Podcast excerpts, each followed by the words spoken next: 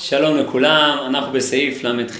אומרת המשנה, אודה הוא הסל על כתפו, קורא מהיגדתי היום להשם אלוהיך, עד שגומר כל הפרשה, בסדר שמופיע בפרשת כי תבוא. אמ, רבי יהודה אומר, עד ארמי עובד אבי. הגיע לארמי עובד אבי, מוריד הסל מעל כתפו, ואוחזו בשפתיו, כלומר בפה, וכהן מניח ידו תחתיו, ומניחו וקורא מארמי עובד אבי, עד שהוא גומר כל הפרשה, ומניחו בצד מזבח, והשתחווה ויצא. אומר מרן הרב קוק בסעיף ל"ח, הקדושה הכללית שמתמלאת על ידי האחדות המושגת על פי כל דרכי השם, היא מצטיינת בשני עניינים, במעשה וברעיון. כלומר, אותה הקדושה הכללית, הקדושה המתכללת, שזה הנושא של הביקורים, איך הקדושה היא כוללת את הכל, כוללת את כולנו, שהיא באה לידי האחדות המושגת על פי כל דרכיה, זה בא לידי ביטוי, האחדות באה לידי ביטוי גם במעשיות וגם ברעיוניות. האחדות המעשית מביאה לאחדות הדעות. כי רק על ידי התייסדות חוק ומשפט התורה בכלל האומה הזדככו הדעות לבוא לקדושת המחשבה של סגולת ישראל בהן תלויה לעיר לאור השם. כלומר, בזכות זה שיש מעשים אחידים לעם ישראל, אז עם ישראל באמת כולו יגיע אל הנקודה שלה הוא צריך להגיע מצד ההערה האמיתית שלו, מצד התוכן הרוחני שלו. החילוק הנמצא בין המעשים והדעות הוא שהמעשים הם יותר תלויים על פי הוראת הכהן המיוחד, לאורו תורה כאשר ביארנו, זו התכונה של הכהנים, כמו שדיברנו בפסקה לגזברים, על פי המשפט אשר אמרו לך. אף על פי שאין הכרה פנימית של הפרטי, מכרת את ערך הדבר. על ימין שהוא שמאל, שמע לו. מפני שכך הוא חפץ השם למען אחדות הכלל. וזקן ממרא שרצו בית דין למחול לו, אינם מוחלים. אמור חז"ל. למה? כדי שלא יהיו הרבה מחלוקות בישראל. כלומר, למה יש הלכה אחת? למה יש הדרכה מעשית אחת? למה יש כהן אחד, הכהן שבימיך? למה אפילו אם אתה באופן פרטי קשה לך, יש לך מחלוקת מאוד מאוד גדולה? למה? כדי שלא יאמרו על שמאל שהוא ימין ועל ימין שהוא שמאל. כדי שלא ירבו מחלוקות בישראל. אומנם. החלק העיוני ממילא הוא מתיישר על ידי יושרת המעשים, אבל תלוי הוא ביותר בהכרה עצמית. כאשר העריך בחובת הלבבות בהקדמה, שלא נאמר פרשת כי יפנה ממך דבר למשפט, שום דבר מתוצאות השכליות בחובת הלב. מפני שעל ידי זה לא נסמך עיון אל המרכז החמי אסמך, כי מלפי יושר מעשה, מעשה התורה. כבר נמצא השכל העצמי מסילה לדון דין הדעות הרוחניות, על פי דרכי יושר וצדק. כלומר, לגבי עניינים עיוניים, כלומר יסודות אמוניים, שם אין לנו פה חכמי סמך. אין לנו פה את העניין אה, אה, שעושה ביפלם לך דבר למשפט, שזה דווקא בגדרי הלכות, ולכן שם יש מקום לי לברר בשכלי את יסודות האמונה שלי. על כן נחלקה כאן ההגדה. בתחילה יאמר הגעתי היום להשם אלוהיך. מכוון כנגד האחדות המעשית, ובזה פונה הוא אל הכהן. הוא מייחד עליו שם שם, כלומר השם אלוהיך, השם כמו שמתגלה בך, כמדריך המעשים של האומה אתה הכהן.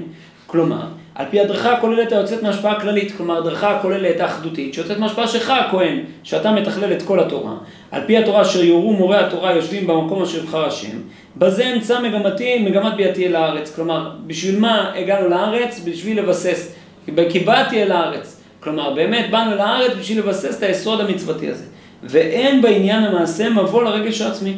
כי אפילו תהיה ההתחייבות המעשיים על פי הוראת בית דין נגד הכרתו ודעתו הפרטית, מחויב הוא לבטל דעתו נגד שלמות הכלל של האומה בכללה שצריך להתנהג על פי מוריה. כלומר, גם אם אני באופן רגשי מאוד קשה לי עם הפסיקה הזאת, מאוד לא נראית לי, היה נראה לי שצריך לפסוק אחרת, היה נראה לי ש... שהמצווה הזאת היא לא מכוונת על רגשי הלב שלי, אני מבטל את רגשותיי כלפי ההנהגה הלאומית המתכללת. אחר כך יפנה לעיר לבבו בצד העיוני של האחדות, בזכירת העבר, דרך השם והשגחתו מארמי עובד אבי. פה יאמר השם אלוהי אבותינו, ולא יאחד שם השם דווקא לכהן, כי שלמות המעשה גורמת שההשגה הפרטית מכרת כבר בעצמה את הדעות האמיתיות, לא רק מצד השמיכה לכהן המורה. כלומר, אחרי שיש לנו מעשים משותפים, אז עכשיו עם כל הכיוונים האמוניים שאתה תעוף בהם, אתה לא תתרחק מכלל השפיטה הנכונה. יש רבי שמעון במסכת נידה שאומר שבדברי אגדה, זה שם אתה יכול לטייל. שם אין בעיה שאתה תטייל. כי אם יש לך את המצוות, את המחויבות שלך לשולחן ארוך, שהיא אוחזת אותך, מחובר עם ההדרכה הלאומית המשותפת, אז עכשיו בתפיסות שלך אתה יכול לעוף. אתה יכול לטייל בכל מיני תפיסות, בכל מיני דעות. והנה ביחס לדעות עם המעשים ישנם שני דרכים.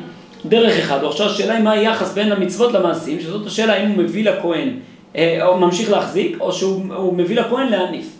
הוא בא ואומר, דרך אחד הוא שהמעשים יהיו נשמרים בכל תוקף הזהירות ביראת השם, טהורה, תמימה וטהורה. מבלי לנגוע כלל אל האוצר של הדעות והעונה הלב. כי המעשים צריכים שיהיו כלולים על פי מרכז האומה המעשי, שהוא צריך שיווי גמור, באין חילוק כלשהו הגורם למחלוקת והתגודדות. אומנם, שדה הרעיונות רחב הוא, והרבה פנים לתורה, לעבוד השם במקהלות במקור ישראל, כל אחד ואחד כפי כוחו ושכלו. על כן, צריך שיהיה שיתוף שיש לכהנים הבעלים הפרטיים בביקורים נגמר בעודנו עסוק בהצעה המעשית, בשעה שקורא את שם השם על הכהן. וזוהי דעת רבי יהודה. שקורא עד ארמי עובד אביו, ומשם משתתף עם הכהן במעשה התנופה. אמנם אחר כך, על ידי אמירת, אמירת העניין, העניין המעניין את הרעיון, אז כל אחד קורא ברכה לעצמו. כל אחד כפי שכלו יולל, ואין לשיתוף בזה עניין המעשה, שתלוי בהוראת והסמכת בית דין קבוע. כלומר, אני, הנקודה שאני משתתף איתו באוצר המעשי. בנקודה המעשית, שם יש לו מקום, שם יש לכהן שותפות איתי, יש לו קשר איתי, הדבר הזה מובן. בכל ההדרכה המעשית, אני מבין למה הכהן הוא שותף איתי לגמרי. אחר כך, כשאני בא ומתחיל להתעסק בתכנים אלוקיים, בתכנים אחרים, שם אני כבר לא צריך את שותפות הכהן, כי שם יש לי מקום לא להשתתף איתו. ולכן אני יכול לעוף בתעופת הרעיון, וכל אחד קובע ברכה לעצמו, כל אחד כפי שכלו יולל וכולי. אבל הוא בא ואומר, אבל לפי פשטן שדברי תנא קמא, שאחרי גמר כל הפרשה הייתה תנופה משותפת בני ישראל והכהן, נראים הדברים שמכל מקום מעשה פועל הרבה על המחשבה. והמחוש המחשבתי ראוי שישתמש גם בחלק המעשי שבו הכהן משותף. כי יש גם כן דרך נכון שיפעלו לטוב ולרומם בכוח חיוני על המעשים כולם. ואם יתרוממו להשכיל בעיון כפי שכלו, יבוא אחר ולהשתתף עם כוח ההוראה לפרטי המעשים. אז ימצא בהם עצמם מוצר דעת רב. על כן נכון הדבר שאחרי גומרו גם כן ההצעה העיונית, ישוב להיות משתתף עם הכהן במעשה התנופה. כלומר, אין נתק בין המצוות המעשיות, בין נגלות התורה, גמרא, הלכה, לבין העולם האגדי האמוני.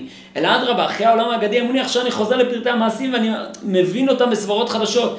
זה לא שאני סובר סברות אמוניות בלימוד הסוגיה המעשית, כי על זה כבר אמר החתם סופר, שזה נחשב לכלאיים, שאני מערבב רוחניות ומעשיות, אבל כן, זה מכווין אותי בפגישה המעשית שלי, כשאני נפגש עם פרטי התורה, הם מוארים לי באור חדש. מצוות ההלכה מורות לי באור חדש, לא רק אור רעיוני, אלא ממש באור ההדרכה המעשית. למה יותר מכוון לנהוג מנהג מסוים ולא מנהג אחר? למה באמת ראוי לדקדק דווקא את הדקדוק הזה ולא דקדוק אחר? כלומר, זה מדריך לי עד הכלים המעשיים. והדברים נוגעים, אם יש מקום להשכלות העיוניות, עם פרטי המעשים בהלכות ופרטי המצוות. שלפי דעת הרמב"ם במורה נבוכים, אין העיונים השכליים מוצאים מקום כי אם בכללי המצוות. ובקשת הילה לפרטיהם בעיניו ז"ל הוא שיגעון ארוך. כלומר, לנסות עכשיו בכל פרטי מצוות למצוא טעם, להאיר אותם באור הכוונה הכללית, זה דבר שהוא לא שייך, רק הכיוון הכללי של המצוות. אם כן, אין יד העיון מגעת כלל המעשים שבהם יש שיתוף לכהן.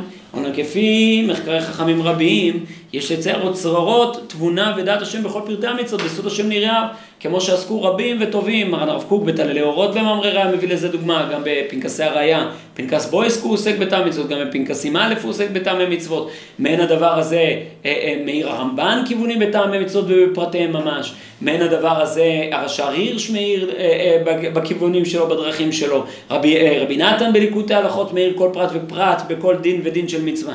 וכן מתאים דברי חז"ל, כלומר אומר הרב קוק ככה, נוטים דברי חז"ל, שלא כדעת הרמב"ם, אלא בעניין טעמי תורה שיקרים בעולם הזה כפויים יהיו לעתיד לבוא, וכמה מאמרים בזוהר מורים כן. ולפי זה יש יחס גדול לפרטי המעשים הצד העיוני שבתורה על פי הכרה עצמית. כלומר יש קשר לגמרי בין הנגלה לנסתר, בין העולם האמוני לעולם ההלכתי, וראוי להורות על זה בהשתתפות עם הכהן במעשה, כלומר שאנחנו מניפים ביחד.